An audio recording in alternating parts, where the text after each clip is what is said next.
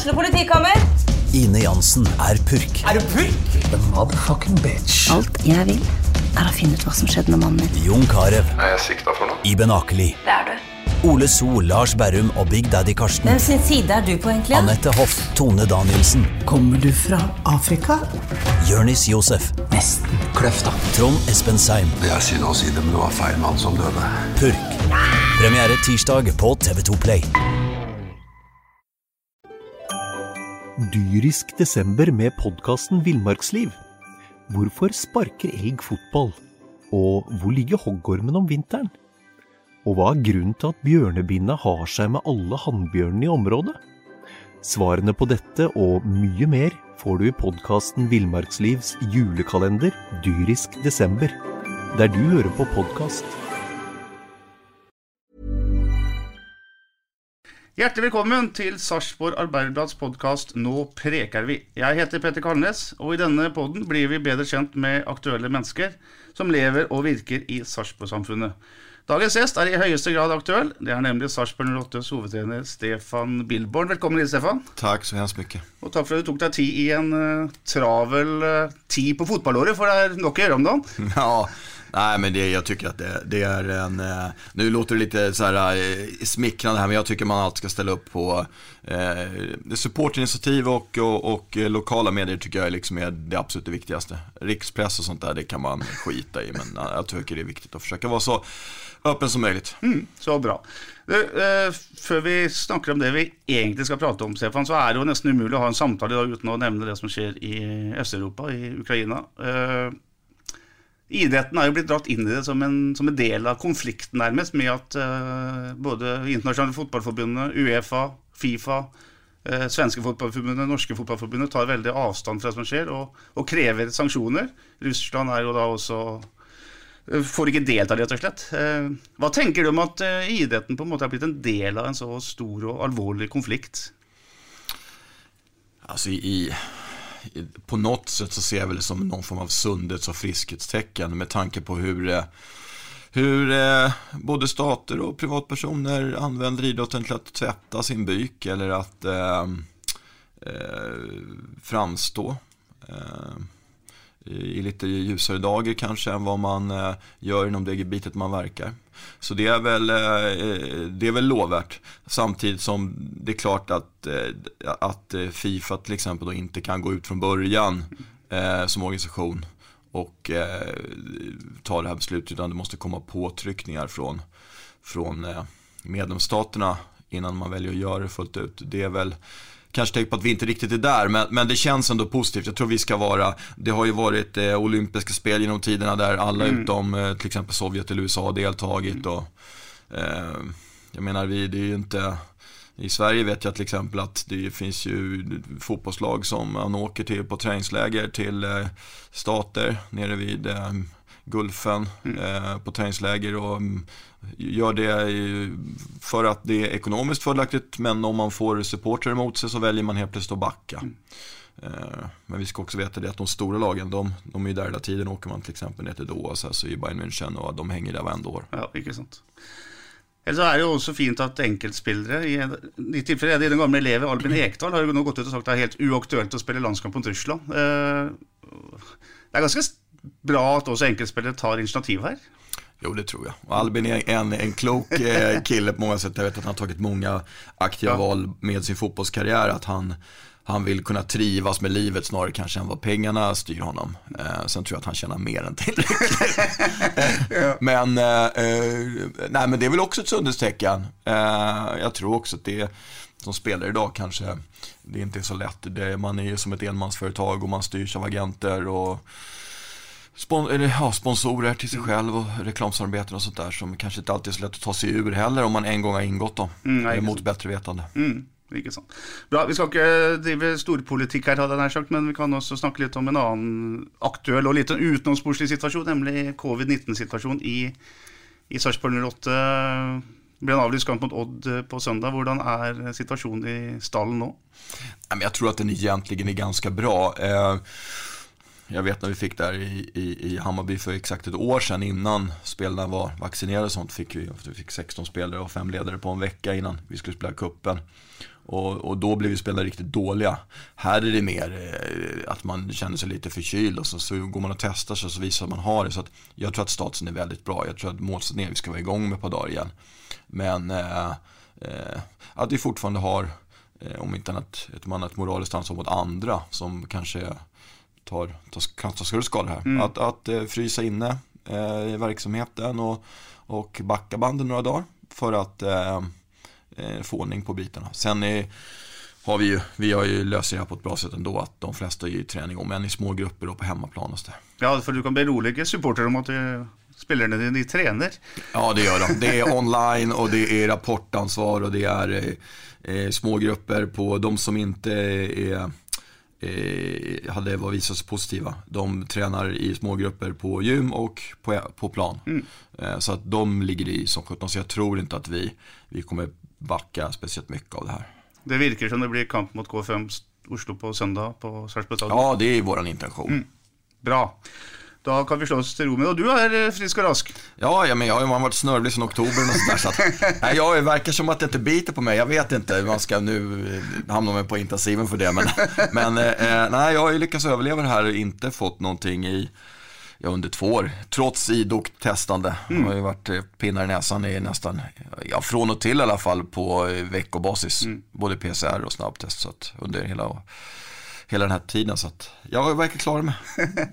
Er det sånn som alle andre at du er dyktig lei dette her? At du er less på hele coviden? Ja, men det tror jag alla är. Jag tror det här, man blir lite påminn om det här också när vi skulle åka. Vi satt ju faktiskt redan i bussen eh, för att åka eh, upp till färjan. Så att eh, det är man ju. Eh, Ja, det. Men jag tror att man måste reagera, reagera, reagera positivt på det. Vi kunde ha fått det här om en vecka. Eh, då hade det varit ännu jobbigare eftersom vi har en, en, en tävlingsmatch som hägrar. Eh, det, är som med allting. Eh, framförallt som spelare tror jag. Det, det, det är en mental aspekt. Man kan relatera till en match, man kan få ett tidigt mål emot sig, det kan vara dåligt väder, domaren kan vara dålig, Mm. det kan vara fysiskt spel, det kan vara så att det inte stämmer. Så att jag tror man måste försöka att, att vara positiv. Det er bra. Du, Stefan, jeg har til å gå tilbake til eh, der det starta for deg. Eh, for det er jo sånn at det man opplever i barndommen og ungdommen, ofte preger, man, preger seg resten av livet. Og også får innvirkning på lederskap osv. Eh, Drabantby, eh, forstad til Stockholm, Rågsved. Eh, hvordan var det å vokse opp der på, på 70- og 80-tallet? Nej men alltså jag har en ganska, jag har en positiv bild av min barndom, även om jag vet att just den, den förorten och har ganska, eh, vad ska man säga, befläckat rykte med mycket droger och alkohol och, och sådär och så. Det, men vi var arbetarungar som sprang runt på gårdarna. Eh, jag ha- jag hade, visst det var lite stökigt i skolan från och till sådär, men om man, om man ville vara med på lektionerna så klarade man av det. Och ehm, Ja, jag, jag, ja, men jag ska, det är nästan så att min, min barndom är ett sånt där äh, djupt skimmer. Eh, så jag hade en, en fin uppväxt där. Med allt vad det innebär på, med min generation. Eh, lite, hemdatorn kom och man spelade rollspel och spelade fotboll och eh, nej, lyssnade på musik och det, var, det var en fin blandband. Det var en fin uppväxt. Ikke sant? Er man et eh, Magnus Ugla synger om asfaltbarn. Er man det man, når man bor i en forstad til Stockholm? Ja, eller betongbarn. Betongbarn. betongbarn. Ja, men så är, så är det väl. Men det, alltså, det fanns mycket grönområden runt omkring och eh, alltså det var, jag tror vi, vi som växte upp på den tiden är ändå privilegierade mot hur det kanske ser ut idag. Eh, mycket är bättre idag, men mycket också mycket sämre idag. Det er tøffe tak der ute det? Ja, jag tror det och jag tror att människor, man är lite skörare idag också som individ av olika anledningar. Med, med eh, ja dels hur samhället är uppbyggt men också med sociala medier och sånt där och att eh, jag tror vi var lite eh, man var, var lite, det var lite tuffare på något sätt. Jag tror inte man reflekterade så mycket heller som man kanske gör idag. Jag tror man är mer medveten idag. Man körde mer på när man var liten. Sådär. Dessuten så tok man vel vare på hverandre også i miljøet der. altså... Jo, det tror jag. Jag tror att eh, människor är inkluderade idag också, men jag tror att det var eh, samhörigheten kanske var lite eh, lite större. Det, det fan- le- var fanns fortfarande lite vänstervåg kvar där. Ikke sant? Ikke sant. Jeg leste et intervju med deg der du, der du sier at du, du, dere var litt nerdige, altså litt nerdete i, i kameratgjengen din. Eh, My, mye dator, datamaskiner? eller? Ja, alltså jag har väl alltid haft en sån där att när jag får något, någon form av intresse så, så nördar jag in mig på det. Det spelar egentligen inte så stor roll vad det är utan det har varit, och det har gått lite i perioder. Jag hade, eh, först var det väl mer att vi höll på med massa såna här engelska, amerikanska rollspel och satt i några källare och så när jag var, gick på mellanstadiet då var jag 10-12 år och sen så lite med eh, Ja just det, med, med datorer, programmera, åkte runt i Europa och tävla med eh, massa sådana här demo-grejer och sådana här olagliga copypartys hängde det då. Var Folk organiserade i skolor och sånt, så hoppades man att polisen inte hade stängt det när man kom dit. Ja, ok. Så tidlig LAN-parties på måte? Ja, precis. Ja. Fast det var väldigt, det var dyrt på den tiden. Man kunde ringa upp här BBSer med, med modem. Eh, och det var, det var inte så mycket. När man skulle, på den tiden så var man, var, hade man en sån här nod, man kunde ringa ett nummer så kunde en vara inne på det stället samtidigt. Och så, Ja. kunde man, och så var det dyrt som 17 då eftersom man var tvungen att ringa utomlands. Men kunne dette her blitt en, eh, et yrkesvalg for deg òg, sånn, eh, hvis ikke det hadde blitt fotball? Alltså jag tror det. Vi var, vi var på väg där. Vi, vi hade började massa ambitiösa spelprojekt som vi gjorde och, och där. Så det, det är möjligt eh, att det hade kunnat kunna vara det. Eh, inte alls omöjligt tror jag. Men, men, men fotballen, var den med deg hele veien fra barnsben? Ja, alltså från och till. Men ska jag säga från att jag var 11-12 år så då, då spelade jag mycket fotboll. Eh, sen var det där, alltså där ute, det var liksom ingen riktig ordning ute i, i, där jag växte upp då, i Rågsved. Så att, eh, de la ner, jag kommer ihåg att de la ner mitt lag, de ringde någon lördagsmorgon. Det var också att man la ett träningar in i stan klockan nio på lördag morgon på vintern. Det, det tror jag inte var så, så smart. Och då var det bara vi som var extra intresserade som klarade att åka dit. Sen så ensamt så de lagt ner laget. Och då böt jag lag några gånger. Eh, men sen så hade jag en eh, föreståndarinna på en fritidsgård som jag hängde på. Som tyckte att jag skulle vara, prova ungdomsledare. Och då, då provade jag det. Och eh, så, så fastnade jag det. Det sies jo du var en sånn organisator allerede fra du var unggutt, at du likte å Ja, alltså jag, började, jag tror att jag började träna dit mitt första lag när jag var 15-16 år sådär. Och, och sen hade jag, jag även satt i, eh, i, i styrelsen i den lilla klubben jag var i eh, när jag, innan jag hade fyllt 20. Var med lite så.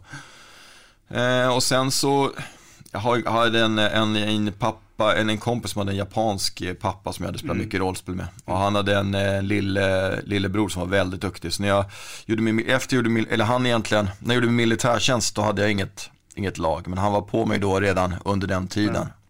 Och eh, låg på mig att han ville att jag skulle ta det laget. Eh, så, då, så då gjorde jag det. Eh, och sen så därifrån så gick det, det blev det riktigt galet. Då började jag importera VHS-kassetter från Tyskland og eh, det var, då, där, då fastnade jag. Er Stefan Ishizaki, ikke sant? Ja, precis. Som også spilte i Vålerenga en liten periode. Precis, precis. Og han har, betydd, eller han har du betydd mye for. Eh, Jeg skal komme tilbake til han, men jeg må bare ta en liten eh, snarvei, eller en omvei, til eh, Joakim Tåstrøm. Som egentlig er den svenske punkens gudfar, nærmest. Og han er vel fra området ditt, er han ikke det? Ja, alltså spelade i ett band som hade replokalen eh, i, i, i Rågsved och även en, en, fanns en scen där, där banden spelade på som kallas för Oasen. Han är egentligen uppväxt to- en tunnelbanestation därifrån Ja. i, i Högdalen men, eh, och han är djurgårdare också, det gillar vi inte. Nej. Men, men det, är, det är sant och jag brukar säga det, det är den enda, han håller ju fortfarande på, det är väl den enda riktiga rockstjärnan vi har i, Sverige för att han, är, han har en otrolig integritet och han kör sin grej. Så han danna Ebba Grön ute i, i området Ja, precis, precis. Senere i Imperiet. Men eh, Hallonsoda, bandet Hallonsoda. Ja, eh, jag hade hållit på där också och, och, framförallt på gymnasiet så, så, så ja, det började sen som en rolig grej att vi skulle, eh, jag hade en, har en, har en kompis som eh, spelar, han spelar fortfarande death metal, han har gjort det som yrke tror jag sen eh, 89 någon gång och spelar fortfarande aktiv där.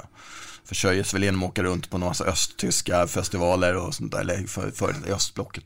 Men vi eh, hade en vild idé om att vi skulle spela på avslutningen då, i, eh, när vi gick ut gymnasiet. Då. På den vägen ner då startade vi där, alltså höll vi på under en två, tre års period att spela.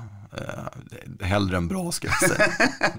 Du spilte bass, gjorde du? Ja, precis. Ja, ja. precis. Det var ned, kraftigt nedstämt och det var väldigt snabbt. Ok. Det är ju... Men musikintresset, den har du behållit? Ja, och jag, jag är verkligen allätare. Jag brukar säga att jag lyssnar på allting från 13-14-talsmusik till death metal. Det finns väl en viss sanning i det. Ja, Så att eh, jag, jag, jag har lite så här, jag lyssnar på jag lyssnar på det mesta faktiskt, utom sån här riktig populär musik. Mm. Det lyssnar jag inte så mycket på, men annars så eh, botaniserar jag bland allehanda alster. mm. det är något som är att slappna av till, liksom avslappning. Ja, jag tror det. Och sen eh, tycker jag också att, att det är väl sådär äldre musik som man kanske inte lyssnade på när man jag lyssnade väldigt mycket på hårdrock och punk och sånt när jag var, lite klassisk musik också faktiskt, men, men mest hårdrock på, på 80-talet när jag var liten då. Men sen eh, den musiken som var populär då som gick, den kan jag faktiskt lyssna på även idag. Eh, Jag ska inte säga att jag tycker att det är bra, men man får någon form av minnesbilder där som är lite odefinierbara. Mm. Som är ganska behagliga faktiskt. Det är väl någon form av flykt. Ja, det är bra. Det- Du sier at på en måte du er en eh, 15-16-17 år når liksom fotballen kommer ordentlig inn i livet ditt igjen. Eh, Hva, hva er fascinasjonen her? Er det å få til noe med For det nå jobber du med ungdom. Er det å gjøre noe med ungdom, eller er det hoppsi, fotball som fag som gjør at du blir så interessert på den tida her? Ja, men jag tror från början att det är eh, eh, att man fick jobba med ungdomar och den här, få en grupp. Och sen tror jag också att det var ganska avhängigt att det gick väldigt bra i början. Hade jag inte gjort det så vet jag inte hur roligt det hade varit. Men ja, det, det gick bra. Man, jag, fick dem, jag fick framförallt att få dem väldigt intresserade. Och vi kunde träna mycket som helst. Och då blev det ju väldigt, väldigt roligt. Eh, så att eh, och, och de blev väldigt framgångsrika och då, var det, då, då blev det, det roligt. Jag tror att det var det som det var. Det var nog avhängigt. Hade vi förlorat varenda match så, eh, så tror jag inte att det hade varit så kul. Ja. Og fra at dere nesten ikke har lag, da, så blir jo Rågsveds 82 år, er det dere kaller dem? ikke sant? Ja, precis. Den blir jo å si, blant de aller beste i, i Sverige, rett og slett. Ja, alltså, ja, det skulle jag nog säga. I Stockholm var det nog de pojkarna bara som var bäst och Ja. bättre än oss över tid. Och sen så, jag vet när jag släppte dem, då var de sex, skulle de 16, då tror jag att de, nu, nu kanske jag minns, men jag tror att de, jag tror Brommapojkarna vann SM då för 16-åringar. Jag tror att Rågsved åkte ut på, i, på, i förlängning eller straffar mot dem i en kvartsfinal tror jag. Rikt, rikt. Ja. Og så var Stefan Ishisaker var jo med hele veien her. Eh, Mm. Han har jo sagt etterpå at han har deg å takke for det aller meste for at han ble en så Ja, det var fantastisk det. god fotballspiller. Ja, jag tror att han är, han, jag brukar säga det att ungdomar ofta fokuserar på eh, lite för mycket kanske vem det är, att eh, framförallt när de är i verksamheten att de ska spela i ett bra lag, men de gör jobbet själva. Han har ett enormt intresse och, men det är roligt att, att, att höra det. Eh, jag gjorde mycket misstag på den tiden alltså, så det, det är kul att han gick igenom den fasen. Både, både han og så faren hans har jo hatt et veldig tett forhold til. da Ja. Faren, din var, faren hans var vel med Ja, han, han, eh, han sa det att om, jag, om vi gör det här, alltså, om du tar det så lovar jag att jag ska stötta dig och skapa bästa möjliga förutsättningar för, för det här laget. De här, vad var de, ju tio år då, och sånt där, El- elva kanske. Eh, Och det gjorde han verkligen hela vägen upp. Det var ordning och reda och han drog in pengar och material och fixade runt omkring och så på ett alldeles fantastiskt sätt. Kan du huske følelsen når du så, så Stefan spille landskap? Om det føltes noe spesielt? Ja, men jag tycker det bara när han var med i pojklandslaget så första gången så var det ju roligt. Och sen han, var, han debuterade i AIK väldigt tidigt. När AIK precis hade spelat i Champions League och så. Eh, och kom in som ung spelare då. Eh, och får vara med i den sammanhanget från att eh, från en liten klubb som Rågs egentligen direkt in och inte kom från någon av de här stora eh, ungdom eller tipselitverksamheterna om man säger i Sverige som är eh, det var ju, det kändes ju bra såklart. Man är ju, framförallt är man ju glad för spelarens skull. Rågsved er jo da på nivå fem, eh, så vidt jeg vet. Eller så vidt jeg Ja, jag, nej, jag tror att de är, jag tror faktiskt att de är på Ja, nivå 5, de ligger nog i division 3 tror jag. Ja, om det är nivå det blir 5. fem. Ja, Ja, precis, precis. Ja, ja. Er det en klubb som er på en måte oppegående og viktig for lokalmiljøet fortsatt, eller? Det vet jag faktiskt inte. Eh, men det, det, alltså, det tror jag nog. Alltså, idrottsklubbar brukar, som, som håller på i de där områdena, brukar ta ett väldigt stort socialt ansvar.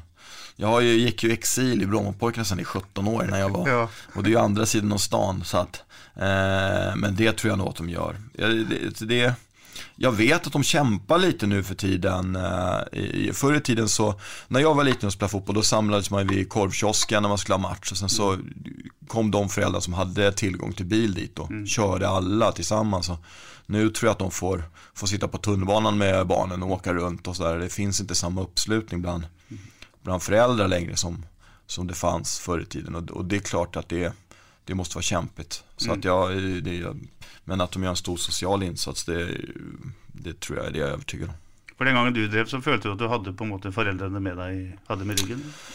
Stort? Alltså min mamma, min pappa, de, det hade jag nog, men de, det var, han gjorde väl ifrån till, han jobbade otroligt mycket, min pappa när jag var liten, så att det var, det var, jag tog mig mest runt själv eh, där.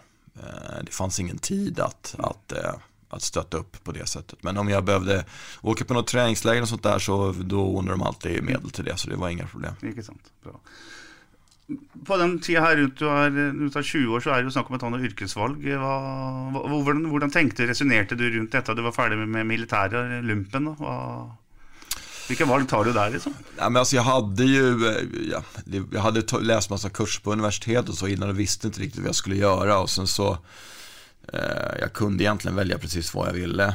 Eh, jag ska ut, men när jag inte visste, då sa, då, jag vet inte om det var eh, Nauki där, Stefans pappa eller någon annan förälder sa, men det, om du inte vet vad du kan göra så kan du ju läsa på Bosön då, som är Riksidrottsförbundets eh, skola, eh, i, i två år i alla fall. Eh, tills du vet hur du ska göra. Så då gjorde jag det. Eh, ja, jag, vet, inte- jag vet inte, det har väl visat det var, var bra nu men det, det slutade ju med då att jag eh, eh, egentligen hade jobb på Brommapojkarnas kansli då som ungdomskonsulent innan jag gick ut därifrån. Och det var väl ett sätt för dem också att kunna rekrytera över mig för att eh, det var då följdes det naturligt och sen så var det fotboll någonting jag skulle hålla på med tills jag blev stor och sen så rätt som det så var jag stor och sen var det kört. inget sånt. Inget sånt. Men det intressanta här är jo du går från Lågsveds idrottsförening som är en väldigt liten klubb, till Brommapojkarna, som väl är hva var Europas aller største klubb med antall medlemmer? Eh, Det er mulig at de er det fortsatt, for det er en enorm klubb. Ja, alltså det som är unikt där är att i stort sett alla medlemmar är aktiva utövare.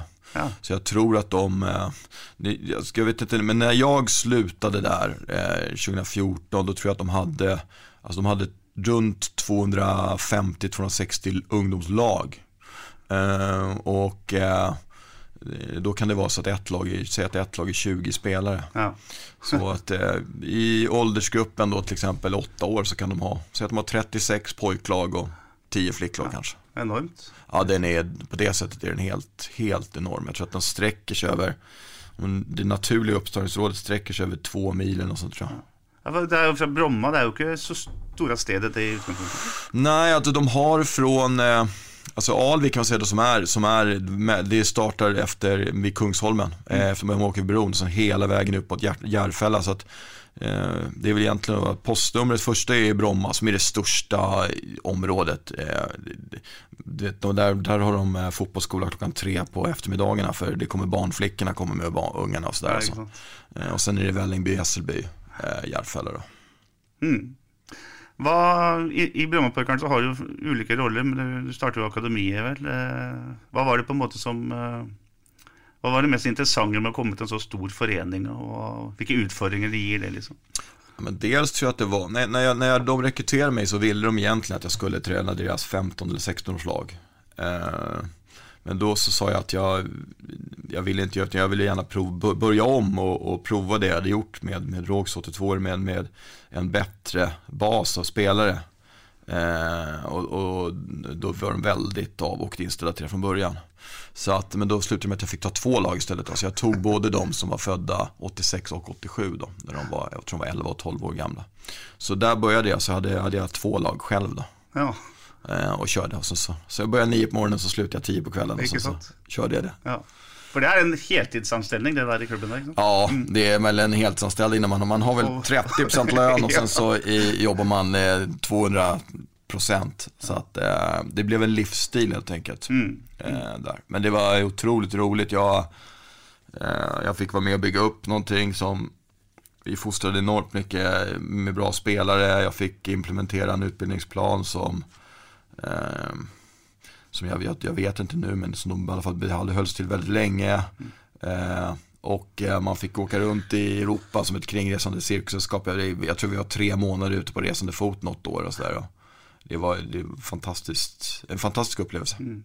Men här är ju en balansegang mellan satsning, eh, topping sant? Och, och, och barn och ungdomsidrott. Eh, vilka tankar gör du då om det? hur Altså det? Hvor tidlig skal man f.eks. Eh, hvor tidlig måtte Albin Ekdal liksom på en måte satse 100 da, for å bli den spilleren han har blitt? Nej, men alltså, jag tror att det finns eh, olika skolor där jag vet, och jag vet också att det är en brännhet potatis i Sverige och eh, det är förmodligen det i Norge ja. också. Eh, jag vet att eh, i Brommapojkarna så har alla de här spelarna som har blivit så här bra har egentligen börjat när de är sex år gamla mm. och varit med i den här selekterade verksamheten fram tills de är eh, uppe i A-laget då. Ludvig Augustin, Sonny Ungedetti och Albin Ekdal och Kristoffer Nordfeldt, de här spelar landslagen nu. Alla de har varit med där. Mm. Eh, man kan, man kan eh, argumentera för att det är bra eller att det är dåligt. Jag tror att det som är viktigt och, och eh, eh min utgångspunkt är bara om det enda eh, som är viktigt är att få fram så bra fotbollsspelare som möjligt. Om man tar bort det här andra med att eh, det finns såklart ett utslagsmoment och allting och så här. Då tror jag att det är eller jag är övertygad om att det, att det är eh, bättre att träna organiserat och att spela mot så bra eh, motstånd som möjligt mm. när man är liten och framförallt att träna tillsammans med andra som är ungefär lika bra. Eh, om, om, eh, om det bara är det som är, är det överordnade. Jag brukar säga det att om man, om man skulle säga att det släpps en atombomb över Oslo om åtta år om inte Norge kommer bland de topp fyra i VM mm. så tror inte jag att man skulle tvinga alla fotbollsklubbar och, och, och att killar flickor och pojkar skulle springa runt i sockerplast och, och, och sparka på en plastboll tills de är 15 och så börjar man träna. Utan då skulle man nog få se en elitverksamhet utav värre än man någonsin har sett någon gång. Mm. Och det är klart att det inte ska vara så. Men jag tror att det är, sen såklart att det finns andra aspekter. Jag, alltså fotbollsförbund och, och, och, politiker och samhällen har ju som främsta mål att man ska fostra bra medborgare och sunda människor och så här. Och det perspektivet har jag inga problem att ta in eh, och, och ha full förståelse för. Och även acceptera om det är det som är målet. Mm. Men, men om målet är att få fram bra fotbollsspelare då är jag, då är jag övertygad om att, att man ska ha så adekvat och, och strukturerad träning som möjligt mm. från så tidigt som möjligt. Mm. Jag tror att det är vanligt också att man glömmer att om man tar just fotboll som exempel att de som oftast lider mest på att man inte har en strukturerad eller en, en, en nivå i en del verksamhet är de som är, ligger har sämst förmåga eller ligger längst efter. Därför fotboll är en sport där den som är bäst har bollen hela tiden. Mm jag kommer ihåg det när jag med vikarierade som gymnastiklärare någon gång. Så du, fotboll skulle jag absolut inte spela på i skolan. Eh, ja, i Sverige så gör man knappt det. Mm. Och det är också därför att den som är bäst har ju bollen hela tiden. Mm. De andra får inte låna bollen. Mm. Om det är volleyboll då får man bollen i huvudet ändå. Eller om man mm. är basket så kan man alltid slänga bollen. Mm. Men, eh, men eh, att det är en, så finns det massa avarter. Men för Brommapojkarna funkar det bra och man ska också se det av de här 36 lagen som man har, det är ett lag som är utvald. Det finns ingen skillnad på nummer två och nummer 36. Alla de är, okay. är, är, är, lokala. Så att de får oftast oförtjänt mycket skit för att de är en, en elitverksamhet. Men mm. om man har 8-10 barn som får vara med i den här förslagsverksamheten och man har 340 som mm. är helt med på den, då har en väldigt bra eh, verksamhet så, så kan man välja att fokusera på den också. Sociala fokus är ju våldsamt i en grupp som det är, sällan man ja, topp, topparlag. Liksom. Ja, och jag tror också att skulle man göra så att man sen hade både andra, tredje, och fjärde och femte lag och sånt, då tror jag att det liksom skulle bli förödande. Mm. Men när man bara har det här, det, det är så det är så ut, eh, det är så skilt från det andra också så att jag tror att eh, det finns alltid plats för alla i Brommapojkarna så att, så att eh, du, du, du blir liksom aldrig utslängd från föreningen. Ja, sant. Du har sagt ett sted att uh, du på en måte aldrig hade någon ambitioner om att bli en uh, topp uh, elittränare, för du hade det bra där du var som ungdomstränare. Men här i Brommapojkarna, som ju också hade, hade topplag selvfølgelig på senior Du ender upp som allsvensk tränare i, i BP. Men hur var den resan där från dessa 11-åringarna till, till att stå där i, på Malmö stadion i Allsvenskan? Liksom? nej, men jag, jag jag jobbade upp det, alltså jag jobbade väldigt många år och hade de lagen som var mellan 13 och 16. Den åldern egentligen som kanske är den absolut jobbigaste för de kommer in i puberteten och med alla problem på sidan om. Mm. Eh, för att när man har de här lagen också, det, det, kan låta som att det är väldigt, eh, det är bara fotboll och man ska åka runt och vinna och spela massa matcher och utveckla proffs och så här. Det, det är också, man tar också ett stort socialt ansvar för de här. Och, Eh, Eh, det är allting från läxläsning till, eh, ja, man, man hjälper till med allting och det, det, det är jobbigt men det är väldigt inspirerande. Men då, så jag var ganska, eh, jag gjorde om den här resan fram och tillbaka för jag tänkte nu kan jag göra den här resan bättre, nu kan jag göra resan bättre, nu kan jag göra resan bättre. Sen fick vi in en, vi fick ett, man gjorde ett, ett projekt på svenska, svenska elitfotboll eller Svenska fotbollsförbundet, jag är lite oklar vilka det var, men där man, man fick i alla fall pengar för att egentligen ta in en övergripande tjänst på det måttet som vi redan, det vi redan gjorde egentligen Romarpojkarna, men, men andra klubbar kanske inte gjorde. Eh, och då så rekryterade man en, en, eh, en man som heter Åke Kallenberg som hade jobbat i Malmö FF i mm. över 20 år. Och då kom han in och så sa han efter några månader, vad fan gör du här? Eh, du ska inte vara här, du ska upp, du ska i alla fall upp på juniorerna. Och då sa jag, ja men det vet jag inte om. Sen så, så i alla fall kom jag upp på juniorerna och så var jag där några år och sen så eh, när eh, Kim Bergström då som tränar Djurgården nu, när han kom upp i A-laget så ville han ha upp mig där med honom och då fick han inte det första året men andra året då så, så kom jag upp där och sen på den vägen ner. Mm. Var det på något en befrielse att komma upp till vuxenfotboll där där det er jo ikke bare faget, selvfølgelig, men det er jo veldig mye fag. Og du kan jo si til Ole Jørgen Halvorsen at nå får du se og springe, din gjøk, liksom. du kan ikke si det til en tolvåring, mener jeg. Er, det, er det deilig å kunne bare snakke på en måte fotball, faget? Ja, på ett sätt. Men det är, alltså, det är, jag tror att om man ska få ett elitlag och fungera bra, då måste man även, jag försöker vara på samma sätt när jag är där. Mm. Alltså, en sak som jag jag lovat mig själv på något sätt är att jag vill vara samma eh, människa när jag är elittränare som när jag är eh, en 13-årstränare eller som när jag är eh, Stefan Willman utanför fotbollen. För jag tror att då kommer jag till min rätt på, på bästa sätt. Det är så lätt att man tar på sig en annan jacka eller en annan kostym när man står där. Eh, att man ska vara någon som man inte är.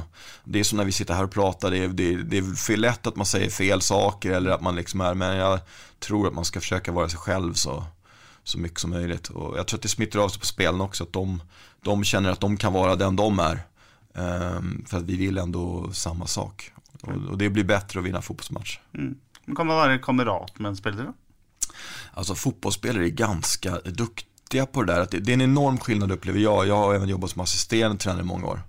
Eh, vilket på ett sätt är, är, är både roligare och eh, lite lättare. Därför du, du eh, kan, du får per automatik en, en annan relation till spelarna. De behandlar dig också på, på ett annat sätt som är lite mer öppen, lite mer kamratlig. Spelare har alltid en, eh, en liten sådär Eh, restriktiv eller, eller avhållen eh, förhållande till, till den som de vet är den som har sista ordet ut laget. Ehm, så att, så att man, man blir lite mer, man, man får lite mer avståndstagande roll vare sig man vill eller inte. Mm. Ehm, så att det kan man nog inte vara. Nej, inte sant. Ikke sant. Reise går vidare, eh, assistenttrener i, i BP, och så blir du huvudtränare i 2014 och havner i allsvenskan. Eh, det som kommer på det översta nivå, stå där med ansvar alene, var det en, eh, eller inte alene då, men du stod med ansvaret? Alltså vi, hade, vi, vi, vi, vi kämpade och vi gjorde ett väldigt bra 2013 men vi kämpade och slet och, och vi som jobbade med laget och vi efterlyste mer resurser. Mm. Dyrisk december med podcasten Villmarksliv. Varför sparkar älg fotboll? Og hvor ligger hoggormen om vinteren? Og hva er grunnen til at bjørnebinna har seg med alle hannbjørnene i området? Svarene på dette og mye mer får du i podkasten Villmarkslivs julekalender dyrisk desember, der du hører på podkast. Om vi skulle klara det här Eh, och klubben vill inte ge oss det. Därför i BP så har man alltid varit ungdomsverksamheten det som kommer först. Man kommer aldrig riskera ekonomin för att man ska göra någonting med herrlaget. Så om herrlaget ligger i allsvenskan så ligger herrlaget i allsvenskan och ligger man i divisionen under så ligger man där. Mm. Eh, det är lite kvaliteten på ungdomsspelarna som styr. Jag tror att när vi gick upp 2012 så var det tre spelare av 24 som inte var, tre, fyra spelare av 24 tror jag som inte var egna produkter. Ja. Eh, och det tror jag är unikt, i, om inte i världen så är det i alla fall. Mm, mm. Eh, men det betyder också att, och då ville han som jag jobbat med inte vara kvar och då var det ett önskemål för klubben och framförallt de spelarna eh, att, att jag skulle ta. Mm. Så det var ju väldigt, väldigt tufft. Eh, jag tror vi spelade, folk pratar om unga lag och så, men jag tror vi, jag kommer, kommer ihåg på hösten vi skulle spela en avgörande match, vi, spelade, vi, vi, vi tog ju knappt några poäng alls. Eh, så vi hade fem juniorer från start. Och det är klart, mot Helsingborg borta tror jag, som också var ett bottenlag som, som hade liksom istället tömt plånboken på sommaren och tagit in väldigt rutinerade spelare. Så att, Eh, men det var en, det var en, det var en nyttig upplevelse mm. faktiskt. det blir ju faktiskt, ja, det blir sisteplass i Allsvenskan och efter det så förlater du Blåbärpojkarna eller du blir löst från, från jobbet som huvudtränare. Var det tema att bli igen i klubben då eller var det på något ett av, avslutat kapitel? Jag tror att det var ett ganska tufft beslut för dem faktiskt. Eh, framförallt för Ola som varit klubbdirektör där i många år. Mm. Eh, men det var också, jag visste också om det att för, förmodligen så skulle vi åka ur när vi gick upp. Och, eller när vi, det, det året och att eh, det var en, en, en, verklighet som jag förmodligen skulle förhålla mig till. Det är väldigt ovanligt att man behåller tränaren när man, när man åker ur en serie. Mm. Eh, så att, nej, de gjorde inga större försök. De hade säkert, om jag, om jag hade gett någon form av signal så hade de, hade de nog gjort det med, med glädje tror jag. Mm. Men, men det, det kändes som att då där jag var, jag var klar med med, eh, med Brommapojkarna. Vi hade haft ett jobbigt år också. Jag vet, en lagkapten dog i cancer under året och eh, det gick väldigt hastigt och det var, det var, det var ett jobbigt år. Så, så att det kändes då som att nej, det, nu var det dags att hitta på någonting nytt. Mm, mm. Och något nytt det blir eh, akademiet till Hammarby. Eh, Bayern som är Mm. Har varit klubben din hela vägen, har det inte det? Jag är uppvuxen på södra sidan ja. och min pappa är ju jättehammarbyare. Ja. Han är sån där som ser alla matcher och har rest runt och så här, så att eh, nej men det var roligt. De, var också, de visade också ett enormt intresse redan från början och låg på mig i flera månader för att eh, det var inte riktigt det jag hade, hade tänkt mig. Men de, eh, de skräddarsydde en roll där, där jag egentligen skulle vara mentor och, och utbilda de tränarna som var de anställda tränare i deras akademi då, från 8 till U21 egentligen. Mm.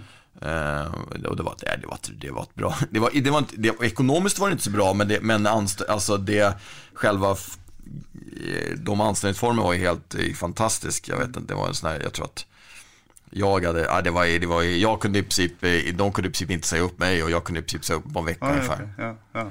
Du var önskad här om andra. Ja, det var, det var, så det kändes, det kändes bra. Ja. Så, och, och, det, var väldigt, det var väldigt roligt sen också när jag började där. Uh, så det, det blev det var kul. Jag, jag jobbade lite med u landslaget också samtidigt. Så att det första halvåret så jag kunde inte hoppa på det där förrän framåt hösten. Men uh, nej, det var jättekul. Mm. Och så blir du nok en gång på en måte dratt oppover i systemet, da. Først som assistent for Jakob Mikkelsen, vel. Og så Hammarby manager från 2018, och det går ju väldigt bra. Eh, Fjerdeplass ja. första säsongen väl? Ja, eh, ja det gick Det är kanske inte bra nog i Hammarby, inte.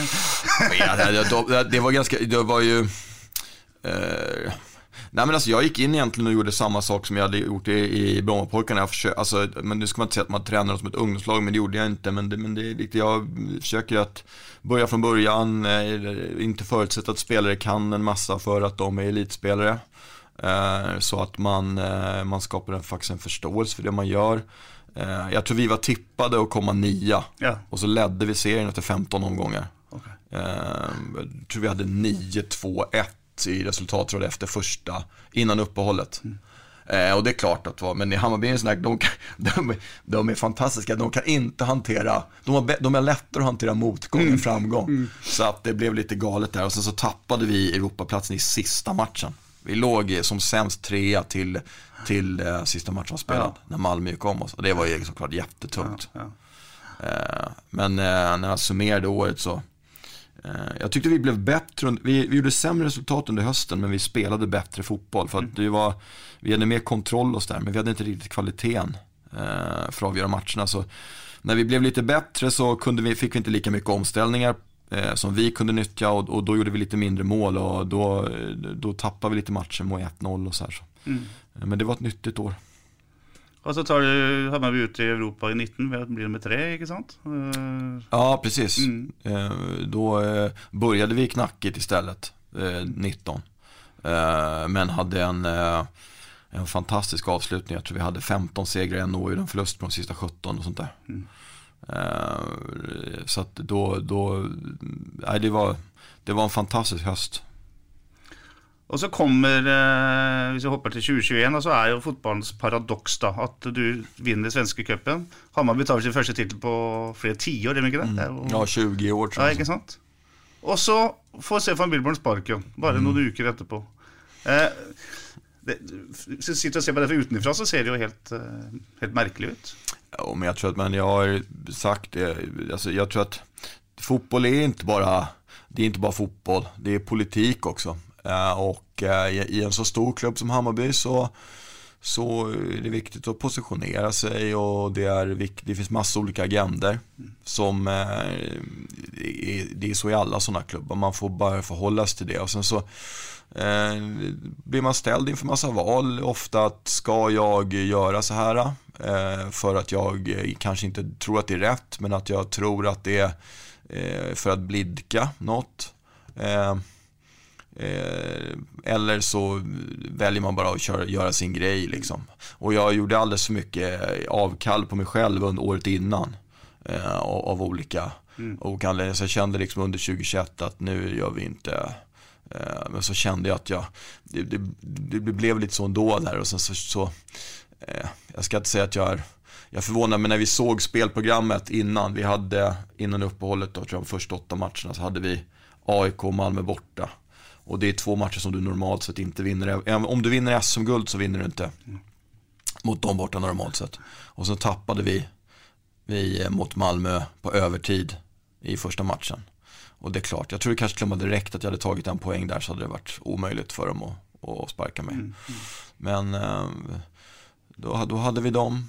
Eh, de förlusterna och sen så fick vi, gjorde vi en jättedålig match innan cupfinalen mot Kalmar. Jag tror att vi, vi var inte heller riktigt närvarande för vi var så fokuserade på den här cupfinalen. Mm. Så att, och då, då räckte det. Och då spelar det ingen roll att man, jag vet inte om vi var tre poäng från Europaplatsen och sånt där. Mm. Det var, det var, man vill ha, man vill ha en annan inriktning på vissa bitar. Och mm. Fotboll är big business. Mm. Och då är det bara, det är bara att rätta in sig. Jag hade en fantastisk tid i i Hamby och träffade många fantastiska människor, fick jobba med jättemycket fantastiska människor. Så att det, det är bara att eh, eh, och jag älskar klubben så därför har jag valt, jag säger liksom inget, jag säger inte vad eller varför. Det, det är min arbetsgivare och jag vill att min arbetsgivare ska veta att jag är lojal mot dem på samma sätt som som Sarsborg här, när de ger mig foten, för det brukar, det är ju fotbollen, det är ju vanligt, mm. att det är vanligare som tränare att man får gå än att man får vara kvar. Så att, mm.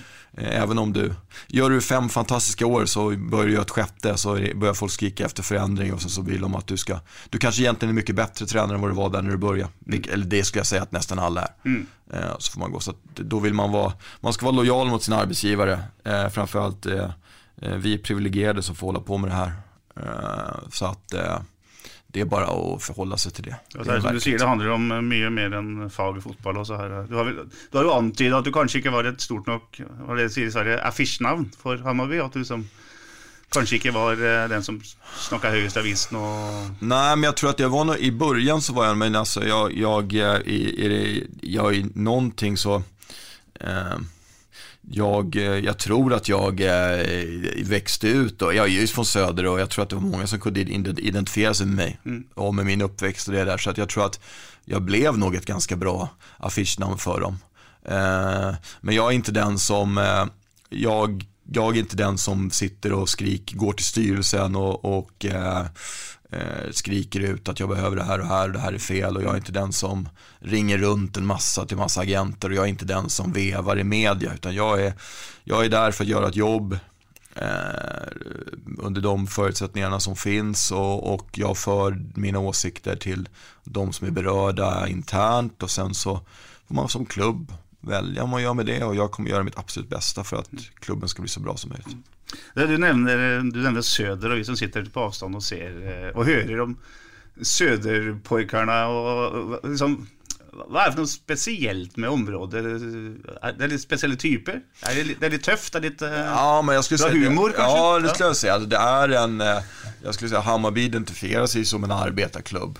Eh, och har väl varit också lite sånt där svajigt gäng att eh, man har en böna på kansliet som sköter. Mm. det är ekonomin har man ingen vidare koll på. Det, eh, det, det skit i resultatet, Bayern bäst ändå. Så här, till att man nu har liksom med, det, med den fanbasen man har som är helt enorm, eh, börjar få ordning på bitarna. Och de som har jobbat där under de senaste tio åren så har gjort ett fantastiskt jobb och fått en välmående klubb som eh, jag vet inte, man snittar 25 000 och man eh, omsätter, jag vet inte, i år, man behöver säkert närma sig 200 miljoner om året och en spelarförsäljningar som ökar och man har en spelarbudget som, jag vet inte vad, när jag var där så tror jag man låg på en 65-70 miljoner löner på bara spelen och så tror jag att den går uppåt hela tiden nu och det gör ju att man kan bygga ett starkare lag för eh, också. Mm. Så, så, så att eh, Nej, den är, men det är lite så. Och jag tror att många är det. Det ska vara folkets lag eh, på det sättet. Jag tror att många, tror också att många som, är, som håller på andra lag kanske har lätt att eh, relatera till Hammarby som sin andra klubb. Mm. Därför att det är, eh, det är en väldigt inkluderande klubb. Nu är alla klubbar väldigt inkluderande, men jag tror att man, man är eh, eh man, är, man, är, man identifieras som en arbetarklubb och, och, och eh, eh då, då, får man med lite hipsters och sånt där också på köpet. Inte sant. Och Kenta sjunger klubbsången. Ja, precis. precis. ja, det är bra. Eh, du går alltså från Hammarby, en stor, våldsam svår klubb i, en, i Sveriges huvudstad, och så kommer plötsligt Sarpsborg 8 på banan. Eh, kom det som lyn från klar himmel för dig eller? ja, det gjorde det. Jag hade faktiskt en, var en tränarkollega, eh, ska jag inte nämna, som skickade ett sms till mig och frågade, jag har hört det här, skulle det vara intressant, vad tror du?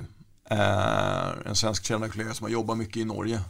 Eh, och då sa jag, ja det låter jätteintressant, var jättebra. Men sen så hörde jag ingenting på ett par veckor. Och sen så, men sen så ringde Thomas. Eh, och då, då, då blev det såklart, då blev jag väldigt intresserad. Eh, och sen gick det väldigt fort. För jag, vad jag förstod det som så kom jag in lite på sidan när de ändå hade varit ganska långt i processen. Eh, Eh, och um, nej, jag, jag sagt, det låter ju alltid som, men det, var, det kändes väldigt, det kändes genuint från början. Och, och jag, uh, det kändes väldigt bra. Framförallt så fick jag tycke också, man låter som, jag fick ett tycke för människorna som var med i den rekryteringsprocessen när jag uh, mm. träffade dem. Jag tror jag berättade någon gång förr, jag var liksom första träffen, jag flög in till Gardermoen och, och träffade var på SAS där och det, det, först, det en och en halv timme så att de bara berättade om staden, om klubben och om ekonomin och turistmål här och äh, historien och äh, liksom, det var ingenting liksom. Du, vad kan du göra för oss och vad är din filosofi och vad eh, så när jag var där, skulle åka därifrån så tänkte jag, vad är det här, vad är det här liksom? eh, och det var jättebra, Björg, han hade gjort någon powerpoint där som var helt mm. fantastisk. Och, de hade en Mårten Seberg med från ett rekryteringsbolag och sen så var Thomas där och, och, och mer, han satt där och mös bredvid. Eh, och, och då tänkte jag liksom, så då sa de, vi, vi, vi har kollat upp dina referenser så vi, vi förstår att du kan fotboll. Så att det är liksom, vi kommer ha det vid en eventuell nästa träff så kommer vi att ta upp det. Vi vill att du ska få lite känsla för oss och vi vill få en känsla för dig. Och då kände jag det här, är en hel, så här har inte jag varit med om att en rekryteringsprocess har gått till någon gång förut. Så då blev det ännu, blev det ännu mer spännande. Mm, mm. Eh, och, och det, den drog också ut på tiden för att, eh, och jag hade lite andra eh, på gång där. Eh, och, men jag kände, jag kände, nej, vad, och vi hade inte diskuterat, det fann, alltså ekonomi och sånt kom egentligen in i bilden. Allt, det kom in i bilden när vi redan hade bestämt oss för att vi skulle köra. Mm. Det var ingenting som, som liksom, det var mer att, ja tack, det låter jättebra ut, det kör vi. Eh, men det var, så det, ja, det kändes bra. Så jag var hela tiden där att när jag får det här så jag, nej jag tackar nej till det här och det här för att jag hoppas få det här. Annars så hoppas jag på att man får sparken framåt våren. Det brukar bli så ändå. ja, ja. Så den, den magefølelsen var, den var, magkänslan var god från första stund på något Ja, den var väldigt, väldigt bra. Och jag, det, var, det var väl egentligen det jag, jag, jag gick på. Eh, och sen så uh, hade jag hade ett möte till där på gasen så hade jag ett möte när jag åkte, tog bilen hit fram och tillbaks. Uh, som var det sista skarpa mötet då, man har ju sådana där online-möten också på Teams och sådär, men de känns, nej, och då, då kändes det, och, nej, det var, och då misstänkte jag lite för då ville de filma när jag, var, när jag kom. och då kände jag så här, okej, okay, det här, nu kanske det ändå kan bli så att, att det är nära. Mm, mm. Eh, Så det var väldigt roligt. Mm. Hur viktigt var det för dig att få med dig Joakim Björklund i teamet ditt? Nej, det var essentiellt skulle jag säga. Eh, jag har, eh, är många som har sagt det till, till mig och jag har känt det själv att, att ska jag, framförallt om man ska, även om Norge är väldigt nära så är det ändå utomlands. Det känns inte så.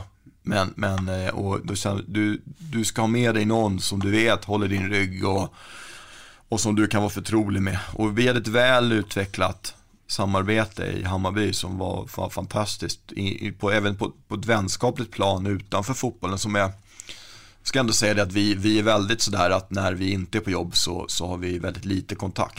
Mm. Eh, för att jag tror att det är viktigt att ha den men om det behövs eller om det är så, så, så pratar vi. Men jag, jag tror att det är viktigt, jag, jag kände också att det för mig kändes det som att det skulle ha ett mervärde också för Sarpsborg. För att är, om vi är två så funkar det ihop, då är det lättare att, att, köra igång med det vi vill från början. Det är lättare att få allting att flyta. Eh, även om det såklart blev, eh, blev en liten, det blir en merkostnad för Sarpsborg såklart eftersom man hade mm. flera andra anställda. Men jag uppfattade att när man hade bestämt sig för att mig så gjorde man allt för att lösa det på ett bra sätt. Mm. Uh, och all eloge till, till Sarpsborg att man lyckas lösa det så smidigt som man gjorde. Mm. Vi som ser mycket träning, vi ser att du, du överlåter och du, du delegerar mycket ansvar under en träningsök till både bland annat Björklund. Då. Ja, jag tror att det är, jag har ju varit assisterande tränare själv och, och jag tror att eh, dels om man, om man ska ha assisterande tränare så måste man ge dem ansvar. Att de måste, då, så att de känner sig delaktiga, att de kan växa i, i också som, som både människor och, och ledare i den processen. Jag tror också att det är viktigt att spelare hör olika röster så att man, eh, man, eh, man bryter igenom på ett bra sätt. Eh, det är lite där, när man, det, det är ju den som, en av de fördelar man har när man jobbar i en elitklubb, att till exempel den rena fysträning, om den är isolerad, den, den har man en fystränare som bedriver och så. När, mm. Är man på lägre nivå så kanske du, då får du som tränare stå och göra allting. Då ska de, och har du stått och skrikit på dem att de ska springa i två timmar så är de inte så, de är inte så benägna att lyssna på vilka positioner de ska ta ut. I, i, så det blir liksom, nu tror jag att jag kan, dels kan jag monitorera, kan överse mycket, jag kan eh, gå och prata lite med några enskilda spelare, jag kan eh, reflektera över det vi gör. Och sen är han också, eh, jag har ju hållit på det här med i 35 år nästan nu, hemskt, hemskt tanke men, men och, och Jocke är ju egentligen fortfarande ganska grön. Mm. Han, efter sin spelarkarriär där så tog han det lugnt några år. Sen jobbade han i Valencias akademi och de har i och för sig har de väldigt bra eh, pojklag såklart och lägger, lägger ner. Han har väl haft Ferran Torres de här tror jag. Ja. så att det, det, men, eh, och sen då så var ju hans första uppdrag egentligen i Hammarby. Och vi kände inte varandra i Hammarby. När han flyttade från Spanien upp för att bli assisterande till mig. Så att, men han har fortfarande energin att när man bara liksom ska stå och slå in bollar i en övning från sidan så orkar han att ligga på och vara 100% där. Och det kan jag också ha men, jag, men, men jag har gjort det så många år så mm. om jag kan ha någon annan som gör det så är det att då tror jag det gagnar alla. Mm. Då kan jag också göra det jag är bäst på. Jag, jag gör ju mycket sånt där utanför och tittar på motståndare och försöker strukturera upp vårt eget spel och sånt där. Och, Eh, kan gå upp på läktaren och sätta mig och titta ibland när vi spelar och sådär. Mm. Eh, men sen får man gå in och hålla lite sådana där övningar ibland också och sånt som man såklart man håller sig, håller sig skarp. Mm. Jag tror det är viktigt, eh, det gäller alla. Jag tror att ska man ha folk som måste, det är som fysteamet också, de måste känna att jag litar på dem och att jag ger dem ansvar över de bitarna som, som de faktiskt ska ha ansvar för. Mm. Sen så klart att de har rapportansvar och sådär. Men jag jag tror att det är, det är samma sak med spelare. Att jag, de, eh, man måste ge dem, ge dem ansvar mm. Eh, och, och, alltså, och liksom visa att man litar på dem. Jag gillar mer att och, och resonera utifrån att man ska lyckas med det man företar sig istället för att man hela tiden ska gå och, och eh, med den andra sidan. Mm. Kontrollera, kontrollera, kontrollera och, och nej. Sarpsborg 8 har ju vuxit och blivit en Vi är väldigt stolta att han har blivit så pass stor som han har blivit, men det är fortsatt en middels eh, norsk klubb i Eliteserien. Og det er en ja, det er jo en liten klubb i nordisk sammenheng, for å si, sammenlignet med Hammarby f.eks. Og så er det en kombinasjon av profesjonalitet og eh, tillitsvalgte, eh, frivillige ansatte. Eh, den kombinasjonen der, er det noe du kan bli fascinert av? Du ser jo de, de mange frivillige som er på stadion hver dag, f.eks. Er det en inter- interessant kombinasjon, syns du? Ja, det tror jag. Alltså jag tror att det är en styrka eh, för klubben eh, på alla sätt. Så eh, jag tror att man måste se det som en styrka. Det, det, det finns ingenting annat. Sen är det är klart att det kommer ju att komma, eller dyker säkert upp eh, eh, olika val man måste göra eh, som förening och, och, och, och vad man går. Men det är ju, det är strategiska beslut på, på en styrelsenivå. Jag, tror, jag hoppas att man kan behålla det här så, så länge som möjligt oavsett på hur hög nivå eh, man, skulle, man skulle landa på. Eh, det tror jag. Det, det, det, jag hoppas att det inte finns någon motsättning där. Eh, Det, det finns alltid en risk att, alltså att, att om man kan behålla det här ideella och den här att verkligen ha människor nära klubben som är supportrar och engagerade i klubben. Utan att stänga dem ute bara för att ekonomin växer och, och pengarna blir mer. Samtidigt tror jag att man måste förhålla sig till det att eh, man måste, vill man vara framgångsrik över tid så måste man få in mer pengar just i laget, organisationen och och allt det kring, för det är så ser det ut i, i alla ligor i världen tyvärr att eh, över tid så korrelerar alltid tabellplaceringen med hur mycket pengar man har i spelarstallet. Det, det, det, du kan överprestera ett år och underprestera ett år men tar det över en tio års tid så drar du in så här mycket pengar kommer du hamna på den här placeringen. Det spelar, ing- ja, spelar ingen roll. Det er et veldig godt uh, eh, opplegg rundt, uh, eh, rundt seniorlaget, virker det som. Mye folk, mange flinke folk. Er det, er det så profesjonelt som du vil ha det, liksom, rundt, rundt laget? Ja, jag har allting eh, som vi, alltså jag eh, har, det finns ingenting mer att önska här. Jag tror att som fotbollstränare eh, betraktat så, alltså i, i, i vardagen på träning och jag, då, då kan du inte, du kan inte kräva, du kan inte ha det bättre än så här. Det går liksom inte. Eh, så. Eh, det, så, så det, det tror jag, där gör man eh, allting för att det ska bli så bra som möjligt. Bra. Vi, skal snart, vi må snart runde av, Stefan. Men eh, jeg har lyst til å, å, at du kan fortelle litt om hva slags fotball du håper da, at eh, publikum på Sarpsborg stadion skal se. Du har jo du har brukt et begrep som heter eh, 'vår ball, våran boll'. Det betyr at det er, det er jo én ball utpå der, og den, den vil du ha så mye som mulig. Eh, kan du, kan du utdype litt hvordan det, de, de grove trekka, da, hvordan du vil, vil at laget ditt skal se ut? Nej men jag hoppas ju och vill. Sen finns det ju alltid såklart att vi måste vinna matcher och det är ju möjligt att jag, det är ju möjligt att jag kommer hit till Norge och är jävligt naiv. Eh, men de har också varit otroligt tydliga mot mig och sagt att, att eh, vi vill ha, vi vill inte att du ska göra avkall på dig själv. Vi vet att vi gjorde avkall på vissa bitar när vi valde att ansätta dig som, som tränare här. Så vi, vi vill att du ska göra det här.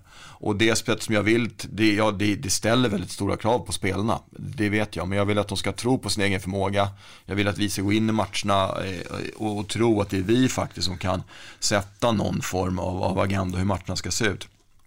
Och det är ju väldigt sådär äh, egentligen tufft, för jag tror att det enda laget genom världshistorien tror jag som har lyckats med att i stort sett alltid veta ungefär hur matcherna ska se ut, det är väl Barcelona när de var som bäst. För de visste att motståndaren alltid anpassade sig efter dem.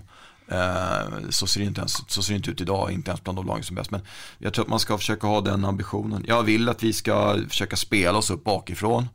Eh, att, att vi ska kunna spela en, eh, en, en dominant fotboll. Och en, en dominant fotboll, vad är det? Jo, det är inte bara det att man har bollen utan det är att man faktiskt eh, trycker ner motståndaren och har initiativ så mycket som möjligt. Att man tar tillbaka bollen så fort man tappar den. Eh, och att man försöker spela så mycket som möjligt motståndarens planhalva. Eh, men sen finns det ju alltid en motståndare att förhålla sig till och är de för bra så kan man inte göra det. Och då måste man kunna försvara sig lägre ibland också. Eh, men, men det är väl det som egentligen är min, min ambition. Och det var det jag sa till spelarna från början. Det finns en boll och det är våran boll. Och när tappar vi den så tar vi tillbaka den direkt. Mm. Eh, Jag tror att det är det finns en sån här, vi pratar mycket om det, en gammal Guardiola-term att vi pratar boll, eh, vad är det, possession, eh, position, pressure. Det är egentligen det som är det som är hela tiden. Att ha, vi har bollen, positionera ut sig, tappar bollen, pressa, ta tillbaka den direkt och så, och så spela därifrån. Och det är just, det är ju, jag, jag märker, jag, jag, jag märker på spelet att det här är någonting som de vill göra. Att de, de, de trivs med det här, att de verkligen vill försöka göra det här. Men kanske inte att man är, är så van i det. För att det handlar också om att man verkligen måste spela fotboll med huvudet. Eh, välja när man ska riska bollen, kanske eh, positionera sig och ha lite mer tålamod för att skapa ut åt andra. Att vara modig i, i rätt lägen. Eh, och sådär. Och sen att man, är, att man klarar av att slå av det här kreativa till någonting väldigt aggressivt och, och, och, slå av någonting aggressivt och väldigt kreativt. Av och på, av och på. Vilket är ett mentalt problem såklart. Mm. Mm. Men, men det vi, vi jobbar på. Jag hoppas att vi uh, jag, jag, jag tror, det som var positivt var med när, med, när vi spelade den här Krasnodar-matchen var att eh, det, det, det, råder ingen tvekan om att om vi alla gör det tillsammans och att alla tar ut maxprestation hela tiden så kommer vi i alla fall bli väldigt svårslagna. Mm, mm. Eh, samtidigt som det, det visas ju i Fredrikstad-matchen och även tycker jag lite grann Eh, de två matcherna vi spelade innan. Även om det var, det var väldigt bra match. Att, att om vi inte gör det 100% och inte gör det tillsammans så blir det väldigt, då kommer det inte gå att spela så här. Um, därför att det är uh, det, det, är, det, är väldigt, det är väldigt mycket ansvar till individen också. Mm. Samtidigt som att jag vill hela tiden att de verkligen ska veta vad vi förväntar oss av dem. Om de gör fel så ska de veta vad de ska göra istället. Inte bara att vi säger att det här var jävligt dåligt. Ja, snakka med en av de etablerte spillerne. Uh, han sa at han følte at han lærte noe hver dag han var på trening med dere. Det, det må være en deilig tilbakemelding ja, det låter fantastiskt. ja. Ja. Nej, men jag tror att det är det, jag, jag har också sagt att jag vill gärna att de lär mig. Därför att jag får ju aha-upplevelser ibland när jag står eh, på träning i småspel och sånt där. Och jag vill ju att vi ska komma, i, i den bästa världen kommer vi komma dit där de kan vara med att utveckla spelet och hitta lösningar. Eh, jag är väldigt, jag, jag, min målsättning är att jag ska ge dem eh, en idé och medel för allting från att spela sig upp bakifrån till vilka ytor vi ska försöka attackera till och hur vi ska skapa målchanser från, från de ytorna. Eh, men att de sen är de som väljer, att de kan brodera, för det är de som tar besluten. Alla fotbollstränare som tror att det är de som står och, orkestrerar och dirigerar ett fotbollslag, de har inte fattat någonting. Det, spelare tror jag tar ungefär tusen beslut per match. Och det kan inte jag göra och så fort det kommer publikmatcher så hör de inte vad jag säger ändå. Så, så en plan B måste vi ha kvar innan, är klart innan och sen så måste vi ge spelarna verktyg att faktiskt hjälpa varandra på plan under matchen och, och kunna läsa spelet mm. och ha förståelse för vad vi vill göra. Så. Men det är fantastiskt om, om, om, om de, de säger så. Og så er det jo sånn Som fotballtrener så, så, blir det målt på det som skjer hver søndag, eller ja, stort sett på søndager. da. Eh, hvordan er det å leve under det där? At du, du er ju opp til examen på många måter en gång i veckan. Ja, alltså, det, men det är ju, alltså fotboll är också fantastiskt på det sättet att det är inte alltid som att man, man blir belönad för att man faktiskt gör en bra prestation. Eh, och ibland är det ju tacksamt för ibland gör man ju en dålig prestation så blir man belönad ändå. Så det går ju på bägge hållen. Men nej, alltså det är ju självspäkelse. Jag brukar säga, jag vet egentligen inte varför jag håller på med det här för att man mår ju dåligt eh, hela tiden. Mm. Då det spelar ingen roll om det går bra eller, eller om det, man mår, man mår, mår lite bättre när det går bra. Men, men eh, jag skulle säga att det är egentligen en marginell skillnad eh, mot när det går bra eller när det går dåligt. För man är en felsökare och, och, och eh, man har hela tiden den där och man sitter där under matcherna och eh, ser mest fel även fast man är bra. Liksom. Eller så känner man en frustration för att man inte får ut det man, man vill i form av kanske mål när man spelar bra. Eller så. så Nej, jag vet inte. Det, det blir, det... Som en, blir som en avhängighet, en drog liksom? Att du, att du må, vill vara i det? Ja, men jag, jag kanske på ett sätt tror jag det. Alltså jag hade, hade en, det finns en, en, en, fantast, en bra spelare, men en ännu mer fantastisk människa i, i Hamburg som heter Rickard Magyar som är back där. Han, han brottas väldigt mycket med, med psykiska problem och så kom han tillbaks till oss och så gjorde han 2-0 tror jag, vi, vi slog Malmö FF hemma så gjorde han 2-0 på övertid. Uh, och uh, då grät han efter matchen. Och då var det någon som frågade var, varför uh, varför gråter du för?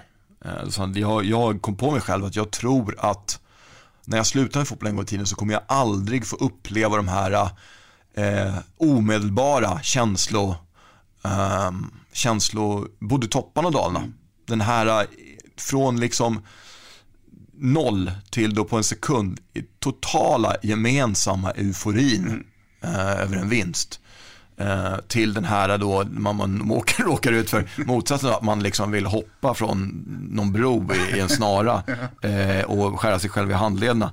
Eh, också på någon sekund där. Och det, det, jag, alltså, och det är väl någonting, jag, jag hoppas, jag tror att det är det som fotbollssupporter också, man går till läktaren för att man, man, man vill ha det här kicken eller, den totala, alltså man, ju, om man bara fick den här kicken då skulle det inte vara lika roligt heller tror jag, men den där eh, så. Samtidigt som jag tror att man som, som för när man leder ett lag känna att man bygger upp det här under en längre tid, en vecka ut och vecka in och man, man har en plan hur man fan ska angripa matchen och sen så lyckas man med det är ju helt fantastiskt. Mm. Eh, samtidigt som att det finns den här oron hela tiden och man, har man gjort tillräckligt då kunde man gjort annorlunda och är här och sådär. Det, det rare med fotboll är att du kan ha den känslan här i division 3 och sant? Alltså det, ja, ja, absolut. Det är akkurat detsamma. Ja, Systemet absolut. är detsamma. Du, helt avslutningsvis. Eh, Södergrabb har vi snackat om, från Stockholm. Har hamnat i Sarpsborg. Hur eh, trivs du här i byn? Nej men det trivs, jag trivs bra än så länge. Och sen är det ju det här grådaskiga, lite tråkiga vädret. Och, men, men, och det, men vi har haft sol, vi, vi har haft den här, det bry, solen bryter ju in på Sarpsborgs stadion i, i, ett av hörnen. Mm. Varje träning har det gjort det utom två tror jag, ja. hela året. Så att solen kommer alltid. Eh, nej men det är fantastiskt. Nu bor jag ute i Grålum, i en liten lägenhet där och det, det känns eh, jättemysigt. Och, man är på stadion från runt strax efter åtta till kanske fem, sex på kvällen och sen åker man hem och sen så sitter man där och eh, filurar lite och tar det lugnt. Och, nej, än så länge trivs jag jättebra. Mm. Det är otroligt trevliga människor här och öppet och eh, gemytligt säger vi på svenska. Det, det, eh, ja, men det känns bra och allting kring, kring klubben. Man, man kommer upp på morgonen och sen så, jag hoppas att det ska vara bra även om vi åker på någon snyting eller inte. Mm. Väldigt bra. Stefan Wilborn, tusen tack för att du tog dig tid att komma hit. Och så har vi väldigt mycket lycka till med säsongen som kommer. Tack så mycket för att jag fick komma. Tack så du ha. Dyrisk december med podkasten Villmarksliv. Hvorfor sparker elg fotball? Og hvor ligger hoggormen om vinteren? Og hva er grunnen til at bjørnebinna har seg med alle hannbjørnene i området? Svarene på dette og mye mer får du i podkasten Villmarkslivs julekalender dyrisk desember, der du hører på podkast. Ukens annonsør er HelloFresh. HelloFresh er verdens ledende matkasseleverandør og kan være redningen i en travel hverdag. Mange av oss har nok vandret i butikken både sultne og uten en plan for middagen, som ender med at vi går for de samme kjedelige rettene gang på gang. Middag burde være dagens høydepunkt. Som Hello Fresh kan du nå velge mellom 25 ulike retter hver eneste uke, eller få Hello Fresh til å sette sammen menyen for deg. Dette gir deg muligheten til å prøve nye og spennende retter alene eller sammen med familien. Du velger antall porsjoner og får alt levert på døren på et tidspunkt som passer for deg. Oppskriftene er enkle, og maten er lett å lage både for store og for små. Ved å få alt levert hjem får du også mer tid til å dele matgleden med familie og venner. Kanskje det frister med asiatiske tacos eller greskinspirert kylling? Da kan jeg anbefale deg om å gå inn på hellofresh.no. Her kan du bruke koden FOTBALL og få opptil 1779 kroner i rabatt på de første fem matkastene hvis du ikke har prøvd Hello Fresh tidligere. Du kan også bruke rabatten hvis du har vært kunde og stoppet abonnementet ditt for tolv måneder siden eller lengre. Gå inn på hellofresh.no og bruk koden FOTBALL. Har du et enkeltpersonforetak eller en liten bedrift? Da er du sikkert lei av å høre meg snakke om hvor enkelt det er med kvitteringer og bilag i fiken, så vi eh, gir oss her, vi. Fordi vi liker enkelt. Fiken superenkelt regnskap.